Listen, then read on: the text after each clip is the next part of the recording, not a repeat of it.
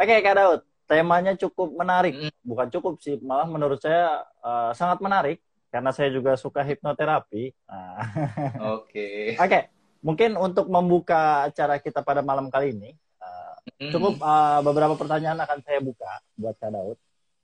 Uh-huh. Nah, yang pertama nih Kak, apa itu dan kenapa kita butuh emotional release berkaitan dengan tema kita malam kali ini? Ya? Oke, uh, singkat aja ya, karena nanti kan fokusnya ke live therapy dan ini mungkin awalan bukan sesuatu hal yang selesai di sini. Kalau memang teman-teman terbantu atau beberapa teman-teman memang menginginkan live yang serupa, nanti kita bisa buat mungkin dengan pembicaranya sama seperti saya atau atau kita undang teman yang lain tapi mengadakan acara yang serupa. Nah, balik lagi ke pertanyaannya, kenapa emotional release? Karena konsepnya kalau dalam psikologi, tubuh kita, pikiran kita, dan perasaan atau mood kita yang dalamnya emosi itu satu kesatuan jadi hal yang mempengaruhi kesehatan fisik adalah emosi.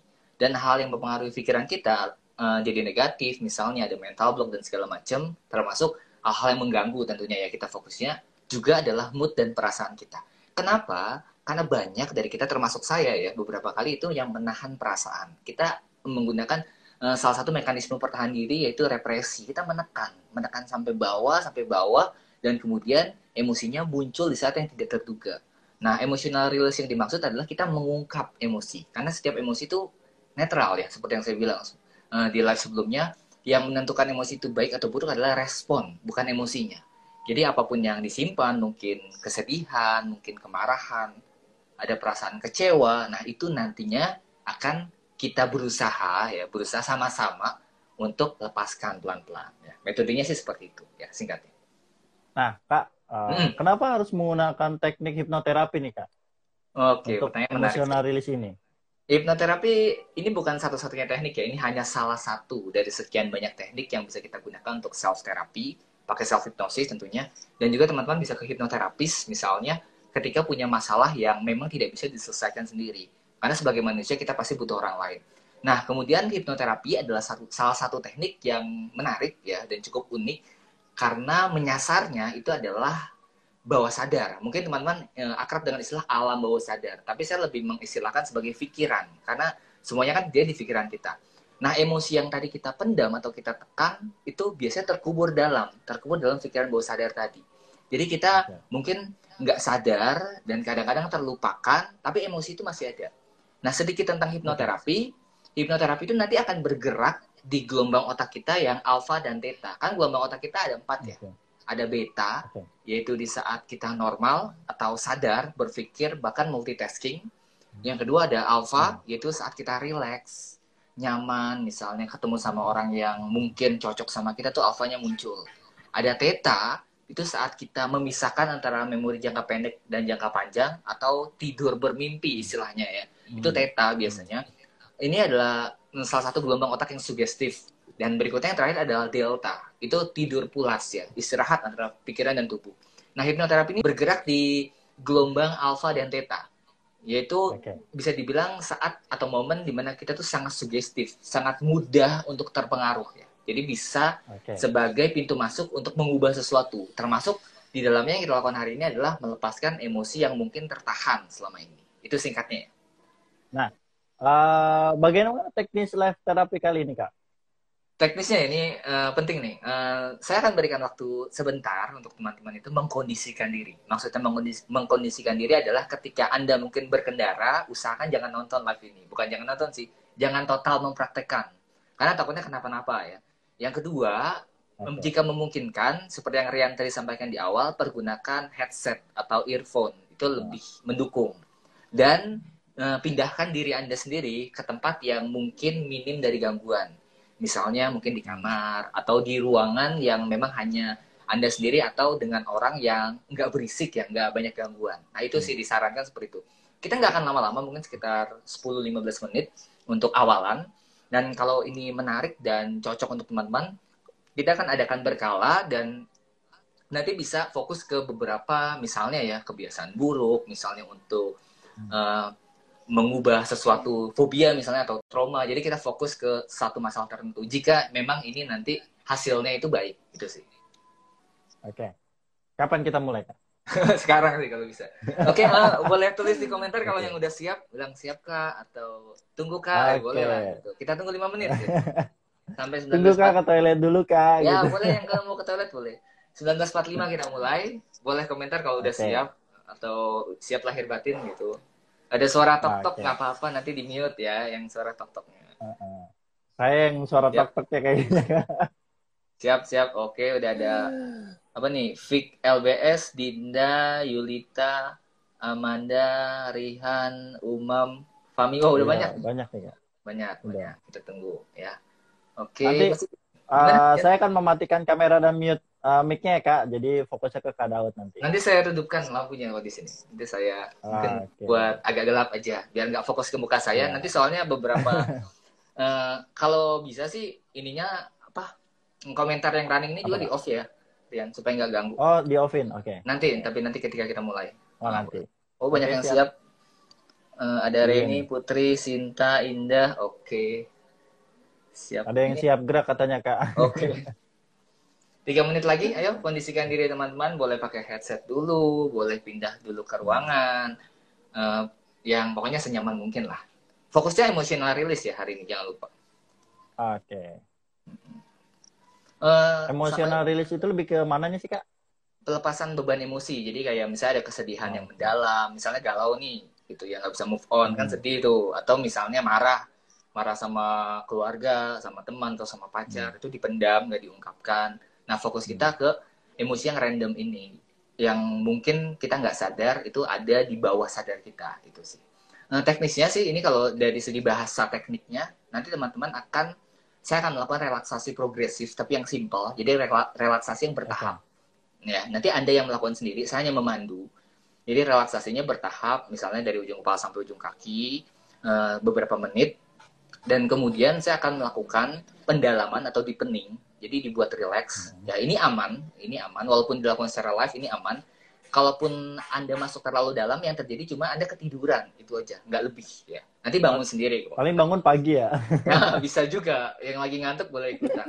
Ini bukan ini ada yang komen teknik behavior bukan ini tekniknya lebih ke arah psikoanalisa. Ya hipnoterapi itu lebih banyak uh, bicaranya bawah sadar. Kemudian teknik yang kita lakukan adalah regresi. Jadi kita balik ke masa yang lalu dan kemudian okay. saya akan tambahkan ada satu teknik namanya objek imaginary.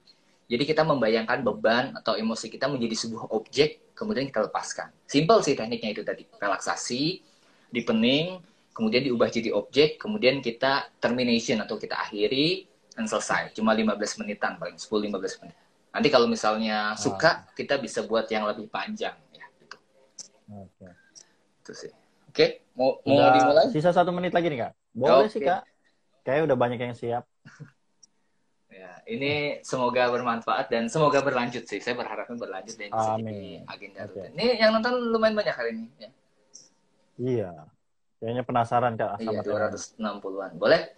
Kita mulai kali ya. Oke. Okay. Kalau tunggu sih. Saya mute. Kalau ya? ketiduran ngefek nggak nggak apa-apa ketiduran Uh, karena kan kita emotional release ya, bukan konteksnya terapi tertentu. Ya, udah lima menit belum? Okay. Oh udah nih, udah. udah, udah lima menit. Pas banget, pas banget. Oke, okay, boleh? Oke, okay. saya mute dan matikan kamera saya kak. Ya, boleh komennya juga dimatikan dulu ya, komennya. Oke, okay, sudah kak. Komennya udah dimatikan ya? Oke, okay, thank you. Udah, oke. Okay. Kamera Rian mau di off dulu boleh, sama di mute. Oke, okay. thank you Rian. Nanti akan saya panggil kembali ya, Rian. Ini seperti ini, jalangkung, Rian. Oke, okay? uh, eh, untuk teman-teman yang mungkin belum menyiapkan, boleh sambil menyiapkan dan fokuskan diri Anda hanya pada suara saya. Tarik nafas pelan-pelan. Keluarkan pelan-pelan. Untuk membantu, saya akan tambahkan sedikit musik relaksasi untuk teman-teman. Oke. Okay? Tarik nafas pelan-pelan keluarkan pelan-pelan, fokuskan pada diri Anda saat ini.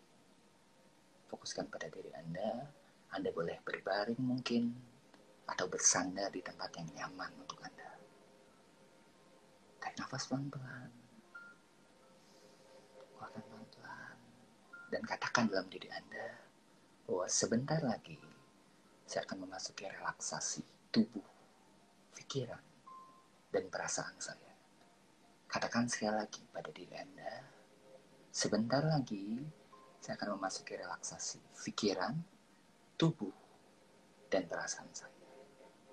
Anda boleh pejamkan mata Anda sesaat, pelan-pelan, tarik nafas, keluarkan, bernafas sewajarnya, dan pejamkan mata Anda. Dan saat ini, kita akan perlahan melakukan relaksasi dari atas kepala sampai ujung kaki. Saya akan memandu Anda. Anda yang melakukannya sendiri untuk diri Anda. Tarik nafas lagi. Katakan dalam hati, saya merasakan lebih nyaman, lebih tenang, lebih nyaman, dan lebih santai. Santai, dan makin santai. Abaikan apa pun yang ada di sekitar Anda, dan fokuskan pendengaran Anda kepada suara saya. Rasakan relaksasinya saat ini mengalir di sekitar kepala. Katakan, mata saya saat ini saya buat rileks tenang, dan nyaman. Katakan sekali lagi, mata saya terasa semakin berat, semakin rileks, dan semakin nyaman. Tertutup dengan rapat dan menjadi berat. Menjadi rileks, menjadi berat. Rasakan aliran relaksasi dari mata ini mengalir ke bagian sekitar wajah Anda. Rasakan kening, pipi, dan bagian sekitar mulut menjadi rileks, sangat nyaman. Bahkan lebih nyaman dari apa pun yang Anda pernah rasakan sebelumnya. Rasakan semakin nyaman. Nikmati. Nikmati kenyamanannya. Nikmati. Rasakan seluruh kepala Anda. Bebannya perlahan berkurang dan berkurang. Nikmati. Katakan lagi kepada diri Anda saat ini. Katakan dalam hati saya membiarkan leher saya, leher saya bebannya berkurang. Otot-ototnya mengendur pelan-pelan, pelan-pelan, dan pelan-pelan. Rasakan bagian sekitar leher Anda wah semakin rileks, semakin nyaman, dan semakin tenang. Dan biarkan relaksasi ini mengalir ke sekitar bahu Anda, dada, perut sampai ke paha. Rasakan terus semakin santai, semakin nyaman. Dan rasakan juga hal ini mengalir hingga ujung kaki Anda. Tarik nafas pelan-pelan. Keluarkan pelan-pelan. Tarik nafas semakin tenang, makin nyaman, dan makin rileks.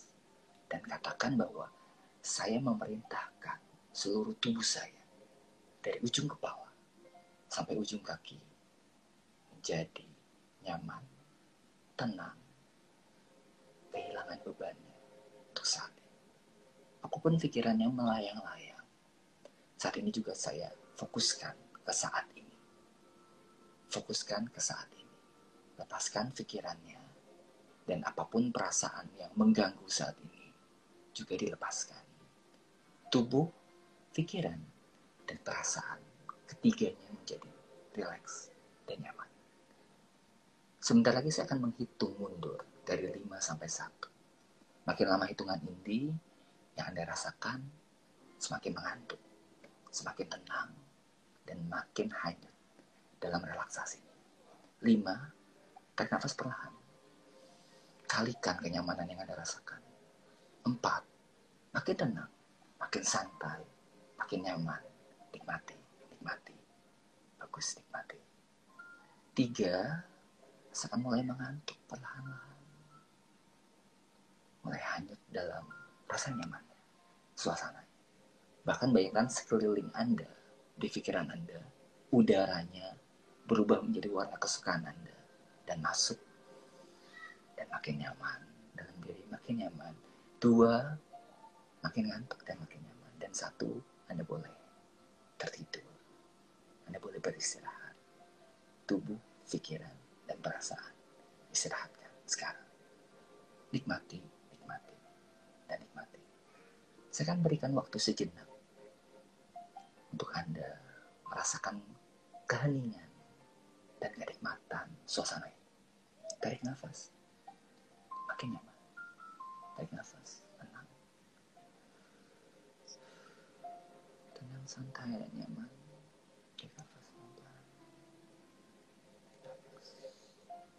Dan saya akan memindahkan Anda ke tempat apa pun yang menurut Anda paling nyaman. Pilih tempatnya.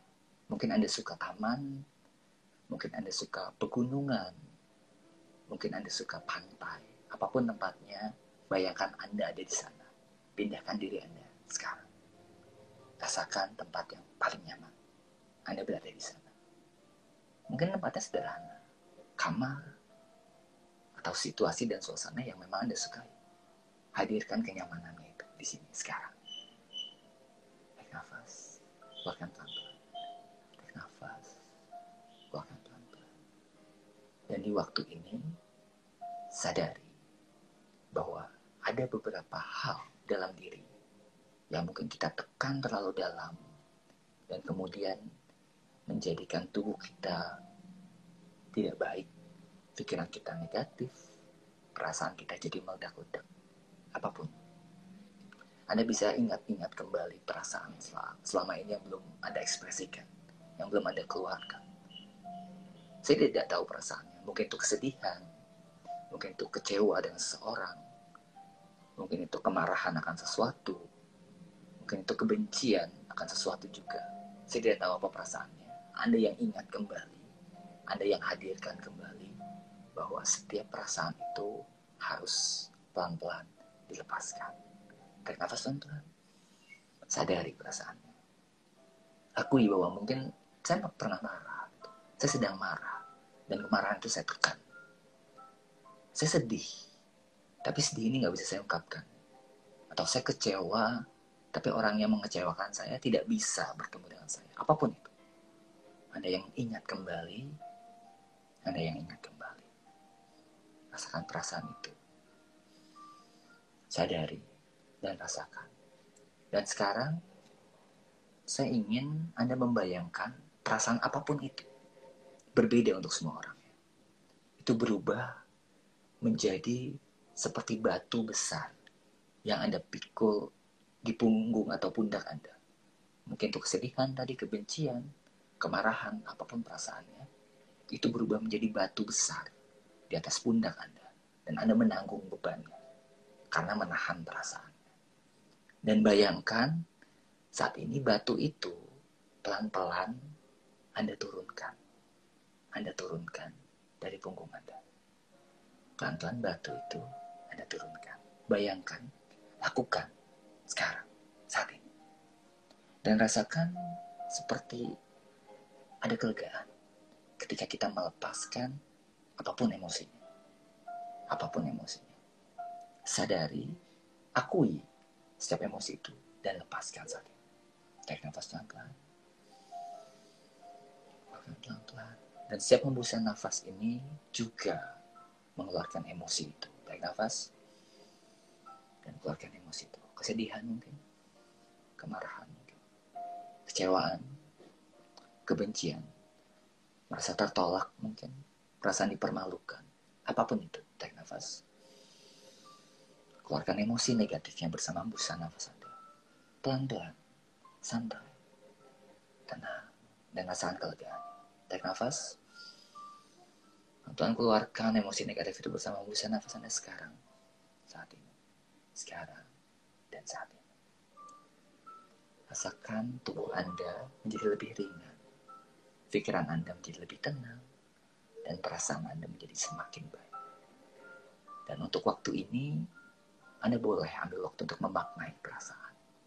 Yang saya maksud adalah kesedihan ini membuat diri Anda menjadi baik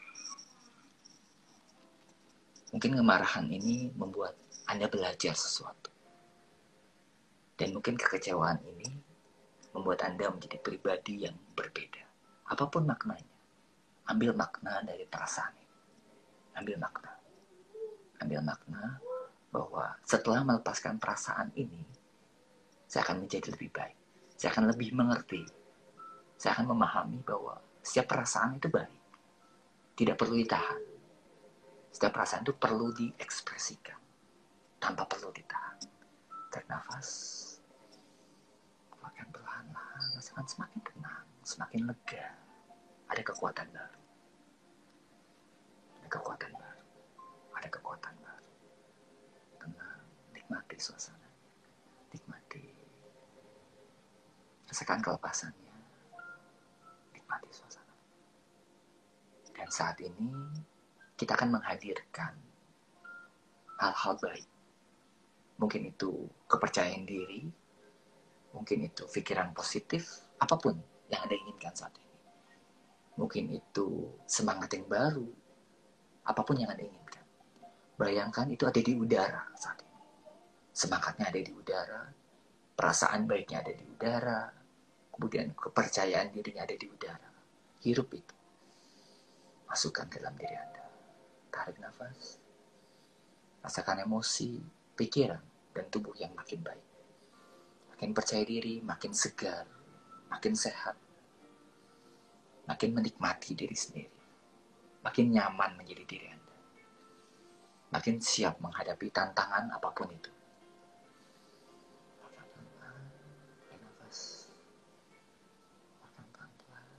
santai, tenang, suasananya saat ini. Nikmati suasananya saat ini. Dan saya akan menghitung maju dari 1 sampai 5. Pada hitungan yang kelima nanti, Anda boleh kembali buka mata Anda dalam kondisi yang lebih segar, lebih baik, dan lebih bertenaga dari sebelumnya. Satu, perlahan-lahan pindahkan keberadaan Anda dari tempat nyaman tadi ke tempat saat ini, di mana pun Anda pelan-pelan, santai, tenang saja, ambil waktu. Dan dua, tarik nafas, rasakan energi itu mulai berkali-kali lipat muncul dalam diri Anda. Rasakan semakin tenang, semakin nyaman, bebannya tadi dilepaskan. Anda bisa melakukannya lagi nanti. Dan tiga, rasakan bagian tubuh Anda mulai kembali perlahan-lahan. Mungkin dari ujung kaki ke paha, perut, dada, pundak, leher, dan wajah mulai kembali. Empat, ambil waktu untuk pelan-pelan sebentar lagi membuka mata dalam kondisi yang sadar. Dan lima, boleh buka mata Anda. Tarik nafas pelan-pelan, santai, tenang, dan nyaman. Oke. Halo Rian. Riannya masih ada nggak nih? Apakah tiduran juga? Ada. Oh, ada. Di onin boleh ya komen. Oke, sebentar. Hmm, aktifkan komentar. 15 menit Oke. ya. Oke. Kita kembali lagi. Oke, Iya. yang mau nanya boleh silakan. Tadi kan sesinya pendek ya, 15 menitan sesuai janji. Iya, betul. Oke, buat teman-teman yang mau nanya bisa di kolom Q&A atau di kolom komentar. Boleh Saya sesuai. sih kalau kolom Q&A nggak nggak nggak sampai terpendam terlalu jauh ya. Eh, itu ya, apa boleh nanya se- seputar emotional release, boleh seputar hipnoterapi, Oke. boleh juga random sih. Kita mungkin ada 15 menitan untuk ini ya, untuk relaksasi. Iya. Kok jadi Nah, nangis mungkin- loh? Itu dulu kayaknya sih yang harus dipertanyakan. Bagaimana perasaan teman-teman ketika tadi Oh, iya, mendengar betul. live terapi dari Kadao? Nah, Itu trial ya, trial. Nanti kita Iya. mungkin akan coba yang lebih lama gitu. nangis Eh, padahal nggak ngapa-ngapain tadi ya lega oke nyaman oke. Thank you udah ikutan sesinya tadi ya. Sering-sering gini nanti akan sering-sering kalau misalnya banyak yang ikutan. Ya, banyak yang ikutan banyak yang pengen ikut. Boleh nanti kita buat tema khusus misalnya tentang fobia atau misalnya ada yang punya trauma atau misalnya mau tentang habit kebiasaan tertentu atau tentang diet juga bisa ada skrip-skripnya itu khusus ya. Kalau tadi kan emotional release itu cuma eh, pelepasan pelepasan apa namanya emosi negatif sebentar banget dari 15 menit. Tapi kalau sesinya Hmm. nanti bisa bisa lengkap itu bisa buat 30 menit atau satu jam yang bertahap yang lebih panjang. Ya mungkin kalau teman-teman mau bisa lah. Ya yang mau nanya boleh. Boleh Rian kalau mau ada pilih pertanyaan juga boleh. Kalau ada ya. Uh, Oke, ini ada nih Kak dari kolom Q&A. Heeh. Oh, udah mulai banyak nih satu-satu muncul. Ini kayaknya tentang emosi nih kak. Mm-mm. Kak, gimana ngatasin emosi? Aku Mm-mm. sering banget emosi. Oh, maksudnya emosinya konteksnya mungkin marah ya? Iya. Mungkin marah ya. Uh, betul. Uh, marah itu kan respon bawah sadar, fight, freeze atau flight ya. Jadi kita marah, kita kabur atau kita diam di tempat itu wajar. Nah, biasanya kalau misalnya saya bahas kaitan dengan neokortex itu karena koneksi antara biasanya reptilian brain atau otak bawah sadar kita dan limbic system atau memori kita itu terlalu kuat. Nah, gimana caranya supaya nggak terlalu kuat? Yaitu kita biasanya melatih logika dan penalaran atau neokortex ya. Caranya bisa lewat makin berpikir rasional, berpikir analisis ya. Kemudian bisa juga mempraktekkan beberapa teknik mindfulness ya. Misalnya tetap sadar di saat ini, fokus pada apa yang kamu lakukan itu bisa dua cara ya. Jadi perbanyak literasi, perbanyak baca, eh, kenalan dengan orang-orang yang rasional, aja ngomong, kamu kan lebih rasional, nanti tanpa sadar neokorteksnya juga akan berkembang dan koneksinya antara limbik dan neokorteks itu akan semakin baik ya, semakin bagus. Jadi respon-respon yang bisa dibilang otomatis itu nggak muncul begitu saja. Jadi kita bukannya menahan amarah, tapi kita mengelola amarah. Kita bukannya menahan takut, tapi kita bisa mengelola rasa takut itu. Itu sih. Oke, ini kak, saya ada pertanyaan seputar yang tadi, yang live terapi dari hmm. komen. Boleh, boleh. Nah, itu menarik tuh. Ini katanya ada sebagian dari diri yang menolak rileks. Kenapa ya, Kak? Oh iya, betul, betul. Uh, jadi kan kalau misalnya dijelaskan dalam ada satu istilah dalam psikologi itu ego personality, bahwa dalam diri kita itu terdapat beberapa sub kepribadian yang biasa saling berinteraksi satu sama lain.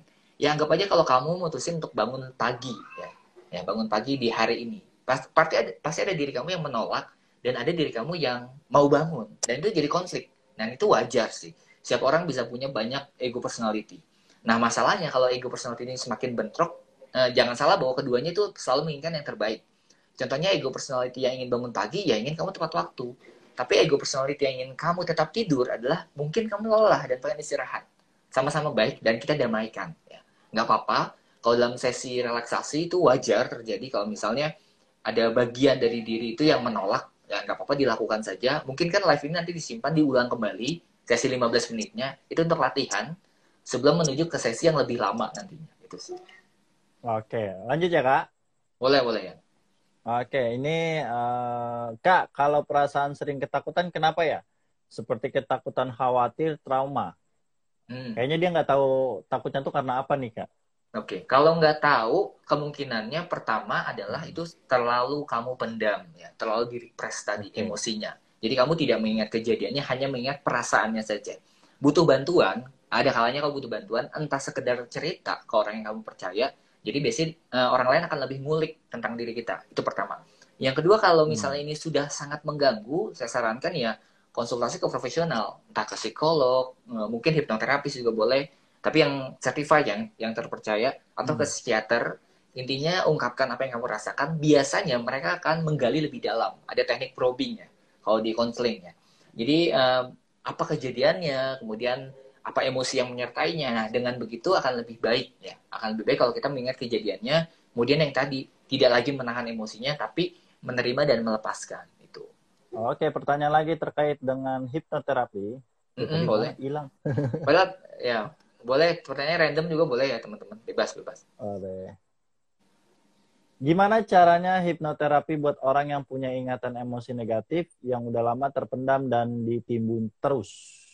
Uh, sebenarnya secara teknis sama ya intinya sih kita mengkondisikan ya? kalau terapis itu mengkondisikan seorang untuk relax tapi metodenya banyak hmm. yang tadi saya lakukan itu relaksasi hmm. progresif ya bertahap ada juga yang hmm. tekniknya namanya flower method flower method tuh biasanya untuk orang yang susah tersugesti itu ada uh, mungkin orangnya belum hmm. mau atau belum mengizinkan itu ada tekniknya kemudian juga ada hmm. teknik shocking uh, jadi rapid induction namanya tapi ini tidak disarankan sih untuk terapi ini teknik cepat kalau yang teman lihat hmm. teman-teman lihat suka di panggung tapi itu biasanya konteksnya untuk uh, entertainment lah lebih ke entertainment. Tapi tekniknya intinya banyak.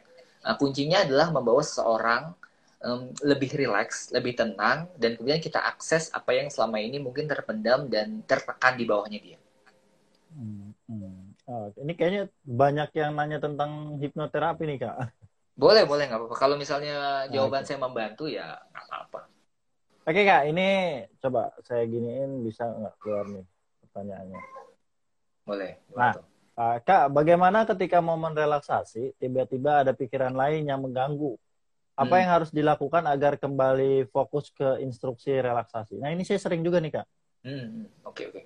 Uh, relaksasi kemudian ada sesuatu hal yang mengganggu sebenarnya itu berarti kamu tidak melakukan sendiri karena gini konsep relaksasi hmm. yang saya lakukan adalah self hypnosis. Anda kamu yang melakukan sendiri. Jadi kamu yang memerintahkan mata kamu, kamu yang memerintahkan wajah kamu, memerintahkan kepala. Jadi kalau kamu fokus pada skripnya, itu biasanya uh, akan lebih enak ya. Maksudnya seperti yang tadi saya bilang perkatakan uh, kepala saya semakin ringan, semakin rileks. Ya udah kamu perkatakan itu kan akan lebih bermanfaat. Hmm. Itu pertama.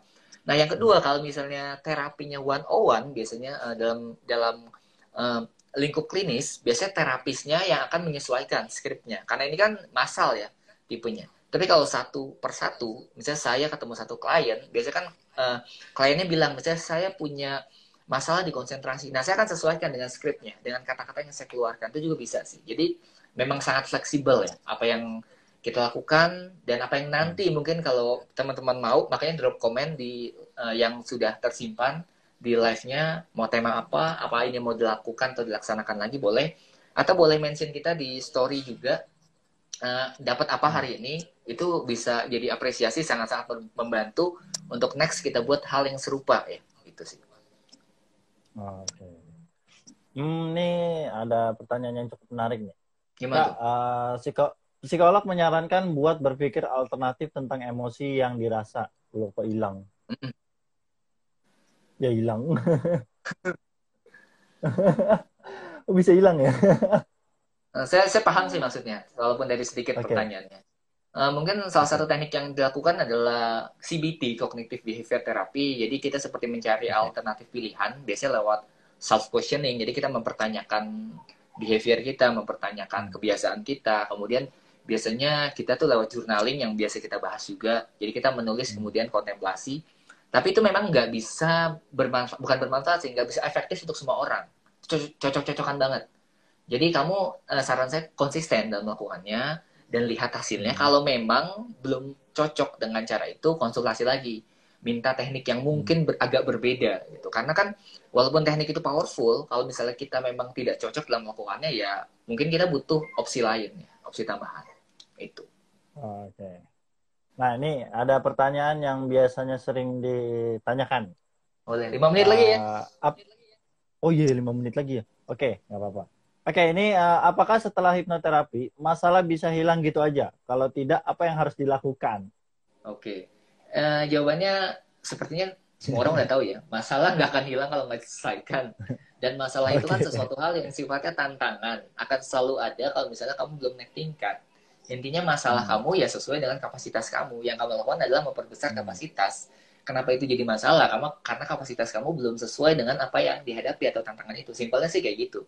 Okay. Hipnoterapi cuma membantu merilis uh, emosi tadi, kemudian membantu mengedukasi. Mungkin yang kalau tadi ada yang komen tuh inner child, yang bisa dibilang sosok anak kecil atau sosok yang terluka dalam diri kita yang belum teredukasi.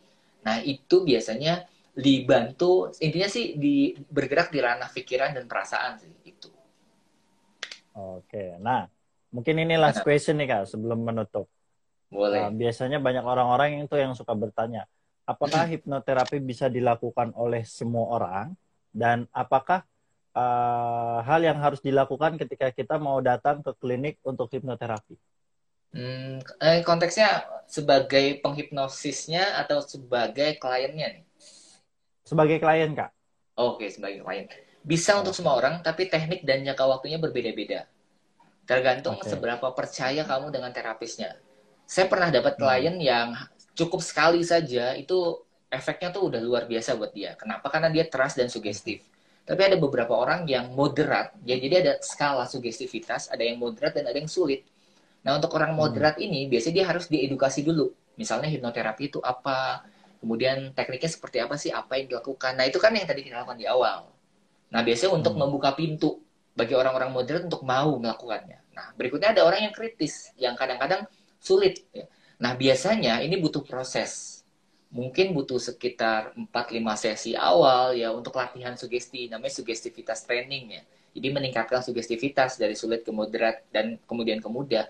Intinya sih kalau misalnya menikmati prosesnya, ketemu terapis yang cocok, sebenarnya bisa aja ya, sebisa aja. Pasti bisa sih. Oh, yang tadi nah, persiapannya hal, gimana? Hal yang dipersiapkan sebenarnya nggak ada persiapan yang gimana-gimana banget ya. Ya kalau misalnya kamu iya. ke datang ke terapis yang pasti kamu tahu apa yang mau kamu bicarakan, masalahnya di mana, yeah. kemudian apa yang kamu rasakan, misalnya emosinya, kemudian habitnya seperti apa. Jadi kamu jelaskanlah perasaan kamu, kemudian uh, problemnya apa sih yang perlu di solve sama terapisnya itu. Dibantu ya, bukan bukan berarti terapisnya menyelesaikan masalah kamu, tapi membantu ya, mengarahkan. Oke, okay. okay. okay, baiklah. Uh, itu tadi sesi live terapi. Saya juga baru pertama kali mengalami live terapi. Karena kan biasanya secara langsung nih kak. Oke okay, ya betul betul. Cukup menarik pengalamannya kak. Iya. Dan uh, hmm. Sebenarnya ini kalau misalkan kita obrolin bisa makin panjang nih kak tentang terapi ini nih kak hipnoterapi. Cuman kalau hmm. memang teman-teman mau lebih banyak lagi bisa request ke kita ya kak. Biar ya, boleh. adakan yang agak lebih lama. Boleh tag di story atau okay komen di live-nya ya, yang live terrecord. Nanti kita akan adakan mungkin live yang serupa tapi lebih lama durasinya atau tema spesifik. Intinya komen teman-teman okay. itu sangat membantu kita untuk dapat insight ya. Jadi kalau yang iya, nonton iya, betul. Uh, kemudian punya pendapat atau punya request ditulis saja. Jangan lupa. Itu sih dari saya. Okay. Semoga membantu hari ini ya. Walaupun singkat. Oke, okay. terima kasih Kak.